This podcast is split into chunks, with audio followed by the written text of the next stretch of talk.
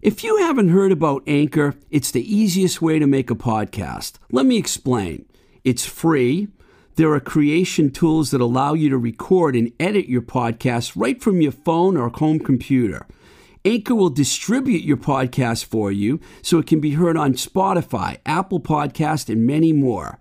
You can make money from your podcast with no minimum listenership. It's everything you need to make a podcast in one place.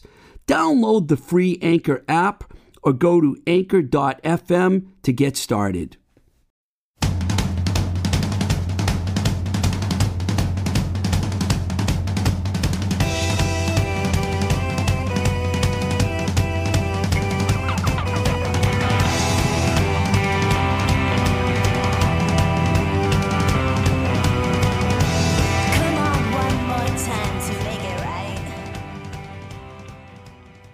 Welcome to Blowing Smoke with Twisted Rico. I'm your host, Steve Ricardo, and today we're in the beautiful town of Salem, Massachusetts. It's great to be back with you from our brief hiatus after recording the first seven episodes of Blowing Smoke with Twisted Rico in Pennsylvania. It's kind of strange being here without our producer G, who recorded all the episodes of our Pittsburgh uh, shows, but G will be editing Blowing Smoke with Twisted Rico, so he'll have a, a piece in all of this. Uh, I relocated, as we mentioned, from Pittsburgh to Massachusetts. It was a bit of an adjustment, but I survived. I haven't been able to talk to you guys in a, in a couple months, so it's good to be back.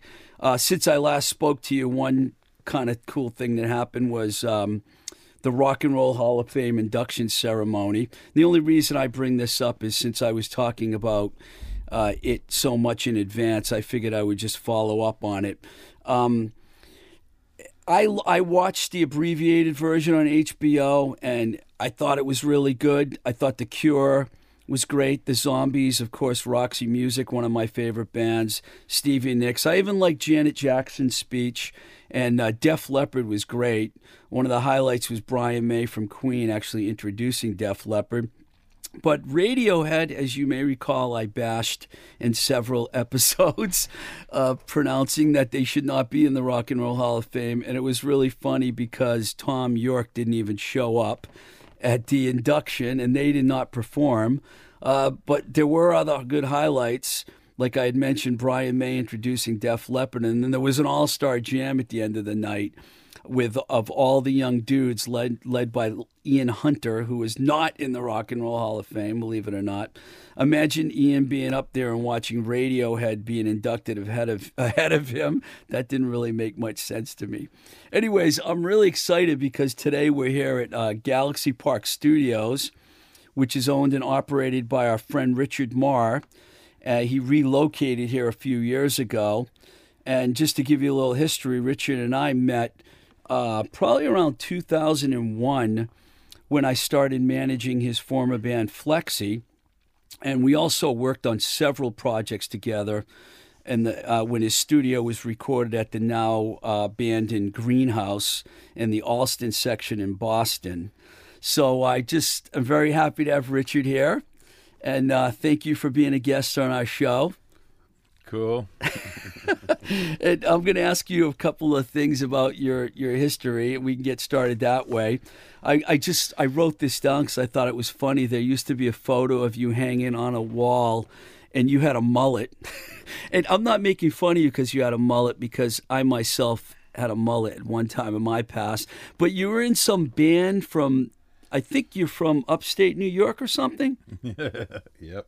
Okay, where are you from in upstate New York? Um, well, before I came here, it was Binghamton. in that band that I saw the photo of you, uh, was that like one of your big bands from Binghamton? Yeah. I'm not being sarcastic. Yeah, yeah, no, it was either Raphael or Vienna. And you know, you were pretty young in that photograph. I remember oh, seeing yeah, it. I just went back for the first time in 30 years uh, a couple weekends ago. It was pretty different, let me tell you. Like, nothing was there anymore. Do you still have like family up there? Nah, my father is Air Force guy, so Uh huh. we were all over the place, and that was where he was stationed. So when did you actually start? Um, I imagine you're a guitar player, and you prob did you start on the guitar at a young age? Yeah, that was. Oh, I started on piano first. That was my. uh that, But I wanted to play guitar, so that was cool. Did you write on piano when you started on piano and guitar? Yeah, yeah. When I first started writing, was piano, bass, and guitar. Nice. So, how did you end up in Boston? Going to Berklee College of Music, kid. Oh, I didn't know you went to Berklee. Yes, it was quite an experience. So, okay, well, I the the immediate segue would be how did you meet, you know, the people in Flexi? Because was there another band before Flexi in Boston, or was Flexi your first Boston band? No, I had a band called Agent 99, which was uh, the same kind of setup. Was a female keyboard player, guitar player, singer, girl out front. But not not with anyone from Flexi. No, those people are for uh, from Colorado. They're all relocated people. Berklee students as well. No, I never played in a band with Berklee people. Oh, I guess no. I guess Willett went to Berklee, the Flexi drummer. I probably should say, you know, mention the other members of Flexi since we're going to talk about them. Uh, the bass player was Brett Fasulo. The drummer was uh, Chris Willett. Uh, Rosie Huntress, keyboards and vocals, and Ellie Volkhausen, who many of you know as Ellie V, was also guitar and vocals. And how did you meet these people, and when, when and how did you meet them? Um, well, me and Skinny played in a band called This Is Not Here, so he knew Willett. Willett lived in the greenhouse. He was going out with Ellie. I was working at Q Division at the time, and when uh, if the studio was slow or if there was a block of time it was open, my old bosses would give me, you know, let me practice recording, so I could find bands to record or whatever, you know, bands that I played in and so we tried to get that we got those girls in and did their first demo and from there it started into a band So, for people that aren't familiar with the greenhouse, how, how would you describe the greenhouse? the gypsy house I know LEV referred to it as the, as a rock and roll ghetto in her song on the Charm song B O S T O N. Uh, was it a rock and roll ghetto?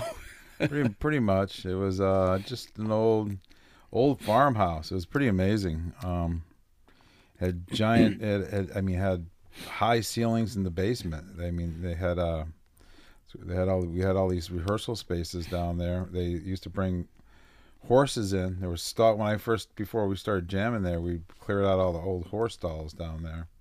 So it was big enough to have full-blown horses in there. So it was a great studio. Who? And you know, we'll talk about that some more because I, know, rehearsal spaces and all that. So it was it was it was cool. I, I, and we could talk about that some more because the Charms Give Me That Shot video was shot partly down in that basement that you're talking about. Yeah. Um, who who are some of the people that actually lived at the greenhouse? Uh, the vehicle birth guys lived there. Johnny and uh, and Tim. Uh, Rob from Quintain lived there. Uh, Jed Parrish from um, the Gravel Pit Wow. lived there. So there a lot of. Schleicher lived there too, right? Mark Schleicher. No, his singer Rob from Quintain lived there. Oh, I don't know why I thought Mark Schleicher was. He was he was there a lot. Did Ellie and Rosie also live there? Yes, they lived there. Uh, Rosie used to be the. Uh, the In charge of the house. Yeah, yeah. no, Ellie and Rosie moved me in there, and as soon as I got there, when Ellie moved out, she'd found a better place because she couldn't deal with her room being flooded all the time. Oh, that's probably a whole another Yeah, story. no, it, it was it was a cool place. The landlord Arthur was a nice man. He um, you know, he let us do whatever we wanted, and hence we let him do whatever he wanted, which was nothing.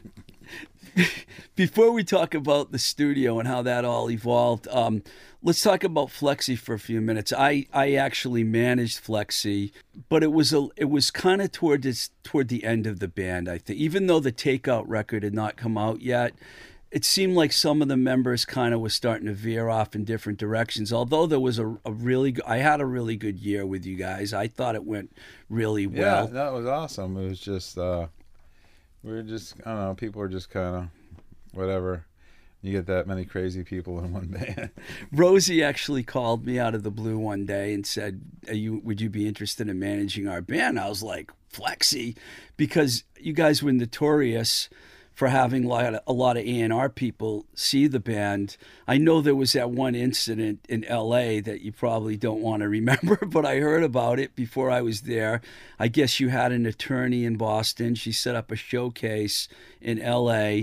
And why don't you tell us what happened at that showcase in LA? Uh, the band wasn't quite ready to do that. she, you know, I was back in Boston when lawyers were getting bands signed in the '90s. It was a different time. Is it an exaggeration that there were like 10 different labels in the room that night? Yeah, no, there was a bunch of people. The Flexi had a thing. It was uh, you know, the girls could really sing and the music was cool. Um, there was a bunch of people there, but you know, I don't know. We weren't ready, or it would have been something would have happened. I think the Takeout record is a brilliant album, and I wanted to talk to you about the songwriting because I know you and Rosie and Ellie pretty much have credits on most of the songs. How did how did the, did the songwriting process work in the band? Uh, depending on the song, sometimes they were um, started with just riffs, you know, like from my guitar, or or Ellie and Rosie would come in with full songs, then we'd just rearrange them. It depended how they, how they were, but they were all you know they were all put together. And then we'd go, you know, so, sometimes the rhythm section would be involved. Sometimes we'd work on jams, um, just different. Um, but yeah, they were definitely put together by the three of us, you know, the arrangements. I remember when I first started listening to Flexi, I couldn't tell at times the difference between Rosie and Ellie's voice because they sounded a lot alike. Now I can tell the difference, but back then I couldn't. I thought that was an interesting aspect of the band. Yeah, yeah, no, definitely. They were even on um, some of the, you know, some of the stuff we did recently. Um, you still can't really tell. And the rhythm section was fantastic. So we can't downplay how great those guys no, those were. guys. That was a big part of the sound. It was uh, those guys could groove. Skinny B laying down the fat bass, and Will had a really good time. I actually uh, got to know Chris very well because we, we lived together for a year in, in California in a condo. And he's still out there playing in all kinds of bands. And he's Yeah. like, it seems like mm, I don't know what Rosie's doing right now. And I know Ellie's kind of on a little hiatus, but um, Willett seems to be the one that's still out there doing it. Yeah, he's still having fun. You know, he's got himself a decent day gig. You know, it pays for things, and he. I don't know how many bands he's in. I know he plays out a lot. He's out, I see him on Facebook playing out a lot. So Right, right. It must have been an interesting band since I know all the members and I know they're all pretty much opinionated and have strong personalities. Could you actually ask, could I actually ask a story about something that happened in Flexi and get like five different stories from, out of one? probably. Did, did you guys all get along at all times as a band? For the most part. And now, you know, I know that you in December something happened, but I haven't heard any of it, and I was wondering what what exactly did happen. Uh, uh, well, we started working on this this record that we had a full demo of. Um, I don't know. It was time to do something. You know, we're. I mean, at the core of everything, we're all friends. You know, whether we get along or not, we're still friends. Right. So it was. Uh, so Willett flew flew in. You know, I sent them all. We, you know, me and I had the girls come in. We got the clicks together for all the tempos. We sent them out scratch guitar, vocal, um, with click track, and and that's how we tracked it. So Were you guys ever all together doing stuff, or was it like mostly separate uh, uh, sessions? no rhythm section sessions, and then Ellie Ellie's got all her guitars down. I still got to do mine. She has a couple more tracks. Rosie's got some. Vo- we just kind of haven't got back to it. Mm-hmm. But I mean, the main thing was to get it there. Um, but we will, and we'll have some more time this summer. I've just been really busy. So, what, do you feel good about the songs that you that you have? They sound really good. The grooves are great. The sounds are great. So um, it'll, it'll be cool when we finish it. Hopefully, we'll we'll finish it th- th- before the end of the year. Do you have like any regrets about that band that you thought maybe they could have been bigger than they were? Uh, no, everyone was doing their thing. I mean, I was really busy recording. Um, you know, I, I did a lot of. I've done a lot of records since then. I mean, I was just kind of. Flexi was kind of like my. I was just getting into the recording business as I had Flexi. You know, as I played in Flexi, so it was like you know, Flexi was you know, I was making my living. I was working at Q Division, and I don't know. It just Flexi kind of folded, and my recording career took off. So.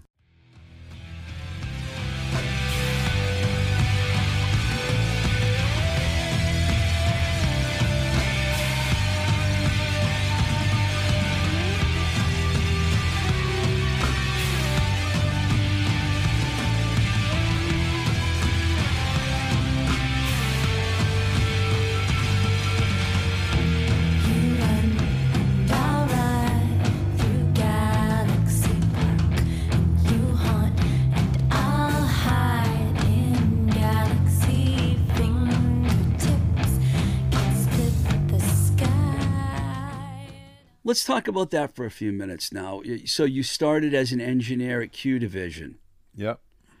and 1990. wow, I didn't realize it was that long ago. And how long were you there before you started to build your own studio? Uh, I was there for uh, nine years until 99. Nine years. Yep, under Mike Denneen and John Lupfer. Mike Denneen passed away recently. Yep. Yeah, he was a good man. I can't say enough good stuff about that man.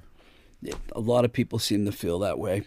Uh, did you have anything? To, I mean, was Ed V working with you at the time? Oh too? yeah, Ed V. Yeah, of course. I mean, I was there. I was their first assistant. Back way back when um, Q Division didn't even weren't even 24 track yet. They were still 16 when I started working. there. Were there bands that you recorded there that you have recollection of that? Um, a lot of stuff, you know, with Mike and stuff, you know, and I did a lot of uh the outside producers like Eric Masunaga from the Dambuilders used to Mhm. bring in all the big indie bands like Helium, Sebadoh, um, a lot of those big type bands. Yeah, I was gonna mention. I was gonna ask you about Mary Timony. So when you worked with her, it was basically when she was in Helium at Q, or did you ever do anything with her? I, I did a song with her uh, at my at my at Galaxy Park in Allston, but yeah, no, I, under um under Eric Masunaga, I was Eric's assistant. So after the nine years, you just decided it was time to build your own studio. was, yeah, no, it was just you know that's a long time to you know to be somewhere, um, and um, Mike Denneen, you know, had given me an eight track um, tape deck, which is pretty awesome. And me and my roommate Johnny from Vehicle Birth were building a home studio. That was starting to happen. Then my buddy Diego, this uh, South American guy, had a studio across the street, and then he hired me for a whole summer. We'll hire you for the whole summer, and you can drink too. So we in the greenhouse now? Were you like actually building the room at the time in the greenhouse Um, the the whole time. the whole time? So you were still working at Q and you were building your new studio. Um, yeah, I didn't know I was building a studio, but yeah. Who were some of the people that you first started recording in the in the greenhouse? Well, I just like random people. It wasn't until um, Bill Toxic from Toxic Narcotic Oh, la- launched that whole thing.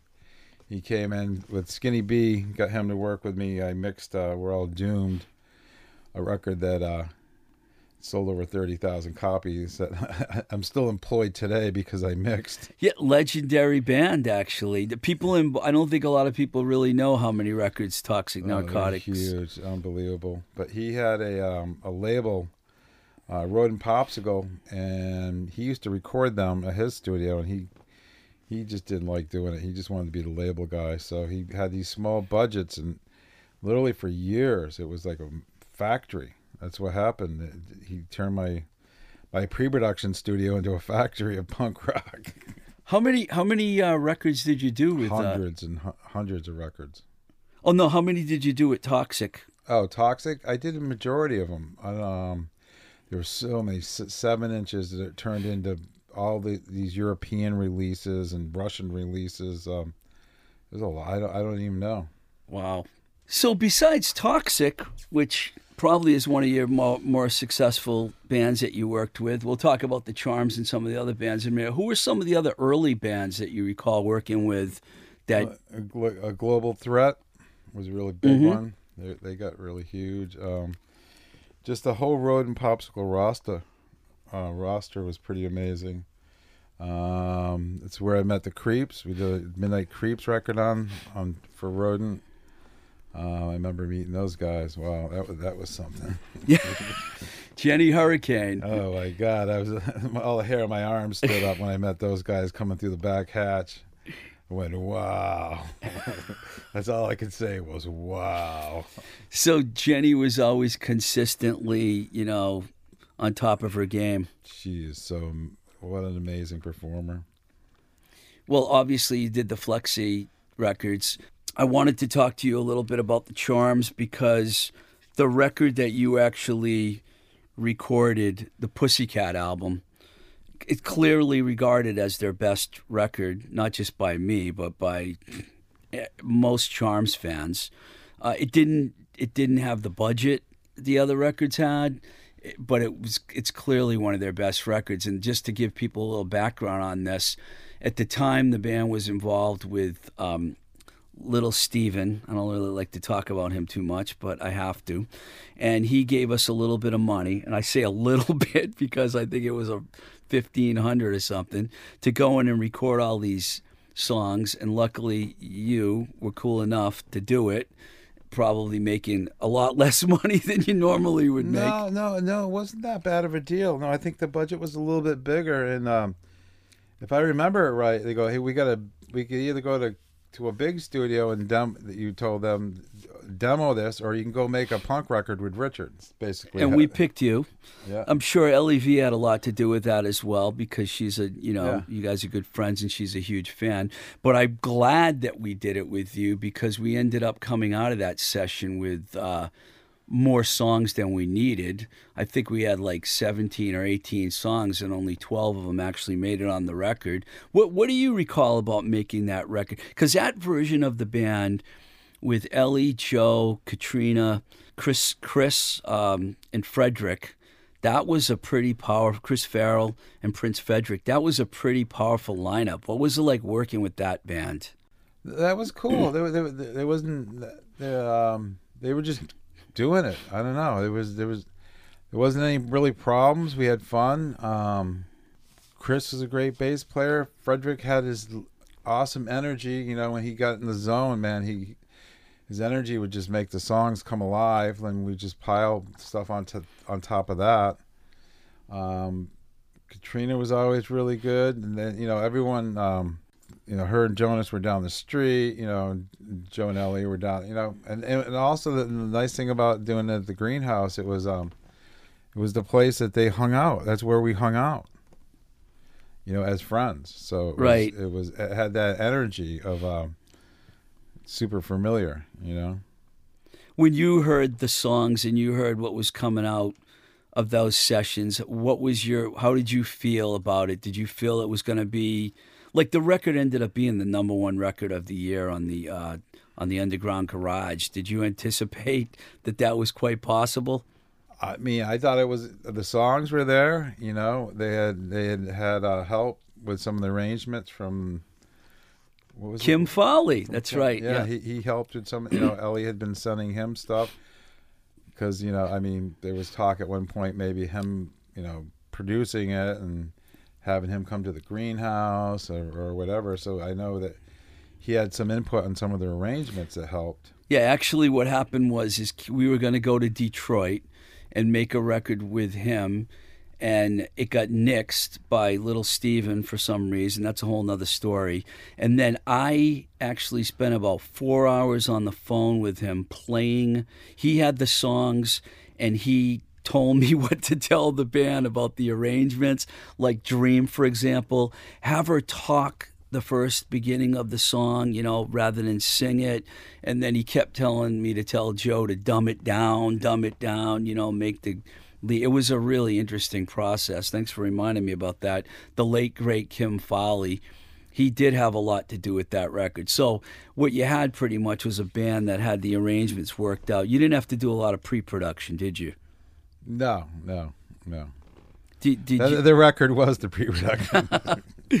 Yeah, and you know, then we set we had some other people get involved in mixing and everything, and it Yeah. ended up becoming like uh, you know pretty successful record. I thought it was going to be bigger than than it was, but you know, we always think the records that we make are going to be bigger than they are.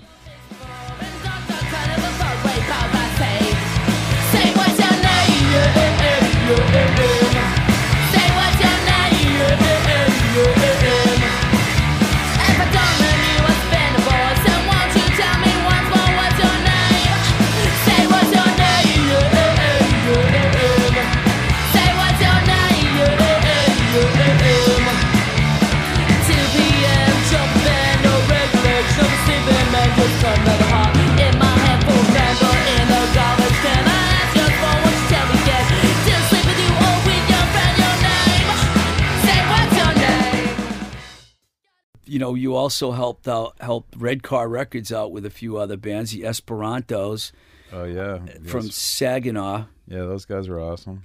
Yeah, that was a band that I thought was really going to do something. You did an amazing job recording them, but right before they were getting ready to go on tour, the drummer quit. So, you know, you hear about stories like that a lot. Yeah, that's just. I mean, I know. It's like kind of the story of the music business. Oh, I you know I forgot to mention one other thing about the Charms that was pretty cool is we did the video for "Give Me That Shot" at the greenhouse. You were there that day, obviously. oh yeah. So, what do you recall about that day? Um, that was pretty awesome. A lot of people there. You know, I had a full full film crew there. My studio was the dressing room. Yeah, we had basically a uh, we had ben, ben, the producer, had his people there, and then we invited all our friends. Remember the Click Five showed up? Well, I guess they changed their name to the Click, but Yeah. and we had a lot of friends of the band. That was a lot of fun. Brett Rosenberg and all those guys. Yeah, probably like everyone that well, not everyone, but there was probably like twenty five people there. I'd say. Yeah, all the people that were in that kind of around the garage rock scene at that time. it turned into a party. Yes. and and you mentioned the creeps and you know you did another record with them for red car that's a amazing record and uh one of- you know one of the best records probably we released on red car and you talked about what it was like working with them and tell us some more about you know jenny and and the band i mean I mean those those guys were easy. You know, they they all could play, and I mean, there's a lot of it was Jenny's vision. and if you if you veered, not me, but if you were in her band and veered from that vision, she'd threaten to slap you across the face a couple times. yeah she was pretty tough i had to have you know my wits about me when i dealt with her well, no, but she it wasn't an agenda. She she had a she had, she could hear it in her head, and that's what she wanted to hear. That's why me and her always get along because I. What I recorded and mixed was what she heard in her head, so we never had a problem. Yeah, just- you got to work with some pretty good aggressive female vocalists over the years. Oh yeah. That um, so so let's go back to the studio. So you left the greenhouse and you moved not too far down the road for a little while. Why don't you tell us about that and then your next location? What is it, Watertown? The disaster of Watertown. How long were you at the other location, in Austin? I was only at that studio a few all, times. the, all Penniman Road was awesome. It was my first commercial studio. Um, I really loved that place. Um, um, it was a illegal after hour karaoke bar before I was there. The um, the landlord said, I, you know, I'll give it to you for four years, but he goes, if you get five, you'll be really lucky. Um, so I got five out of that. It's just, you know, being a small underground, doing what I'm doing without a giant trust fund behind me or, or, you know, that's way most of the studio, you know, there's a lot of money in studio spaces, you know, especially nowadays. It's, if you, man, you can, no one can do anything anymore because of the landlords, but the, uh, I was lucky enough to have that there and, I wound up leaving there because they were all, all my all my studios are holes in the ground, so which is pretty ironic. So so, and then you said that I've never, I didn't get to see your studio in Watertown. What what happened? That you know, I get you know, it's typical nonsense. You know, I had a you know lawyer do my my lease, and the the guy forged the lease, and I mean, this guy was worth millions and ate out a trash can. So I mean, how, how do you fight somebody like that in court when you're just a punk rock guy? So you were there for how long? Five years until my lawyer had me pack it up. And tell us about how this all happened because this studio is fantastic. We're in, I mean, Salem. It seems like it's become the new hip spot. We were we were lucky enough, you know. We found a um, an old semi-commercial building. You know, it was all it had to be four-layered brick. And Michael Blackmer is the acoustician that designed this, who designed the old Q division. So I, tells you how nice this control room is. It's a full Michael Blackmer control room.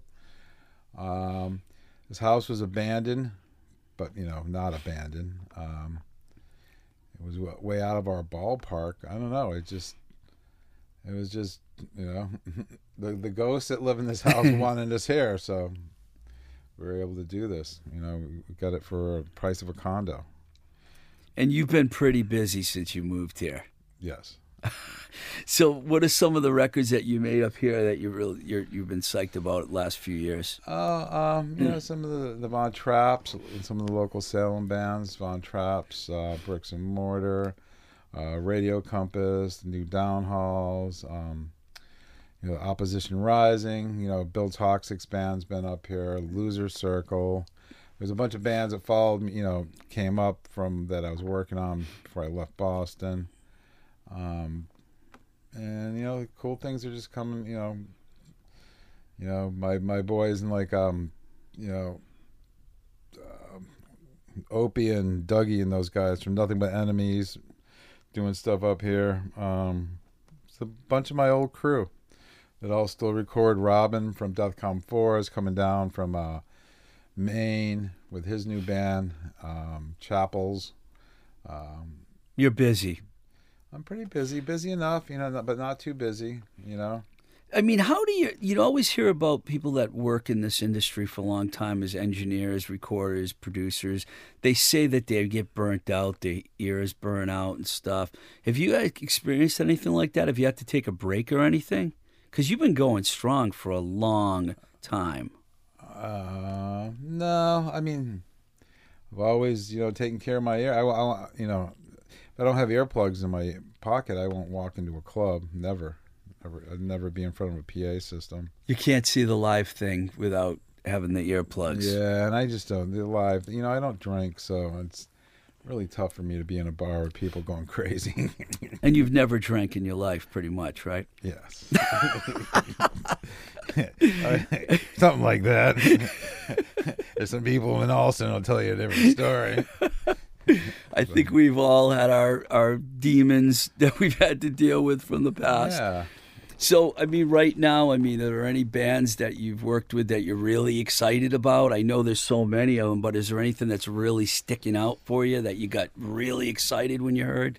Uh, I mean, I'm I'm excited. I mean, you know, I'm just excited to be working. I, I, mean, I love working with every project I work with. Every every band has something unique, has their own voice.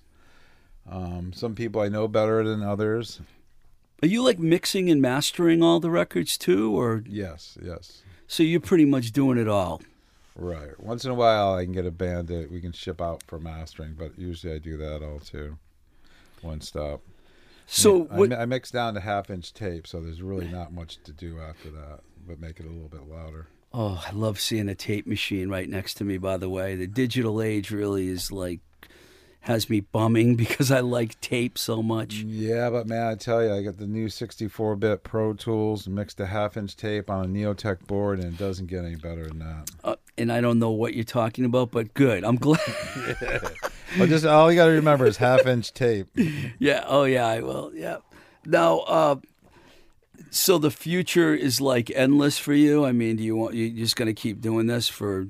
Well, I mean, a lot, a lot of, um, a lot of my competition's been wiped out by by by landlords. Like what happened to me. You know, people are taking back their buildings in, in town. I mean, the, you know, instead of renting to musicians for a dollar a square foot, they're getting one hundred and fifty dollars a square foot. So one of the great music towns has been the victim of becoming bigger and bigger. You know, Boston has become so huge that it's outpriced a lot of people. everyone. I mean, there's so a lot of a lot of musicians. You know, but, you know, the younger ones have been leaving Boston because of uh, the the prices here. Do you see a lot of Boston musicians wandering around the witchy city these days? They're all here. All the punks are here. they all moved up here, and it's been awesome for me because while I was busy doing these other things, a lot of uh, my older, more famous punk bands, you know, they took time, you know, to have kids and stuff like that. Now they're all back with their bands and stuff, you know. Cool. So, oh, you know, oh, one of the, I, I did a Street Dog song up here recently. You did. Yeah, I those- love the Street guy- Dogs. Those guys came up. That, that was pretty awesome. I was I, I forgot to mention those guys. I saw them in Pittsburgh uh, about a year ago. What a great band. Solid band. Yeah, they're really really tight. Yeah, I like them better than the Dropkick Murphys, actually. but it's kind of a lot, you know, the singer, Mike, you know, his the early version with him and Rick Barton, it's hard to get over that. Although the Dropkick Murphys are a great band. I saw them two years in a row and, you know, I was definitely impressed. Yeah. Um, James, the guitar player, he plays bass in the Von Trapp, so I, I get to work. Oh, with him. yeah, cool. He's an awesome guy, really cool guy. He loves this place. He loves the ghosts in this house. I wonder if there's any ghosts in here sitting with us right now, Probably. Oh, yeah, I'm sure. I'm sure. So one other thing I wanted to ask you about was like, what are some of your favorite bands and records, uh, you know, that have influenced you? That bands that you love. Like, who's your favorite band? Do you have one? The music, to listen to music or Yeah. to listen to uh, recordings? No, I mean, i I'm talking uh, both, I guess. Well, I listen to I listen to bands for their music, and I listen to bands for recordings. So I listen to different for for different reasons. But um, I mean, I like my my favorite stuff is all the post punk stuff. You know, early Modest Mouse. I like that stuff. You know, a lot of the British stuff, Chameleons UK, stuff like that. Were you a fan of like Joy Division and? Oh uh, yeah, one of my one of my favorite bands. I was speaking of them. Uh, hopefully, the Million Gallons will be coming up my way soon. Talk about Joy Division. Those guys are pretty awesome. Nice. I did their last record a few years ago. is there anything new that you've heard lately that you like, or do you even have time to listen to new music? I, I, nah, I, don't, I mean, I don't know. I mean, I'm always working, listening to mixes. I mean, I, I don't know. I just don't. Uh, I don't really listen to anything new. I listen to a lot of old stuff. Like how old? All my '80s records. You don't have a favorite producer, do you? Mm, I like. Mm, no, not really. I mean, I, love Steve Albini productions, but Oh, those, Albini, yeah. tho- those aren't really productions. Those, as he would say, those are recordings. but um, I don't know. Is there any local studios that you are familiar with that you know that you like what they've been doing, or do you even have time, like Minahan and people like that? Yeah, I don't. I don't follow any other buddy. Come on, dude. It's the Lord of the Flies. All right. Well, listen. Uh, Richard Marr has been our guest this week. Fantastic uh, producer, engineer, guitar player, all around cool guy. Thank you. If you, if bands want to get in touch with him, you know, Galaxy Park. Is there a website or something Yep, that you want? GalaxyPark.com. You can find me on Instagram. You can find me on Facebook. And you can't go wrong if you work with Richard, man. Thank you very much for being our guest this week on Blowing Smoke. We will have blowing. There's a couple other things I want to tell you before we go. We will have blowing smoke with Twisted Rico T-shirts, which are manufactured by JLS Design in Leicester. And as you may remember, JLS sponsored several of our shows. Their uh, their address is 187 Main Street, Leicester, Mass, which is right outside of Worcester. They do custom screen printing and embroidery. It's a great place for bands to get all their T-shirts, hats, hoodies, etc. JLSDesignPrinting.com, and their uh, their email address is jlsdesignsales at gmail.com. And I want to thank you for listening to Blowing Smoke with Twisted Rico. I'm your host, Steve Ricardo. Uh, stay tuned for more episodes of Blowing Smoke with Twisted Rico. And if you have any comments, questions, anything, you can write us at twistedrico at gmail.com. And please follow me on Instagram at Twisted Rico for more news and updates and other goofy stuff. Thank you very much. Keep the rock and roll alive. Once again, thank you to Richard Marr from Galaxy Park, and we'll be talking to you soon.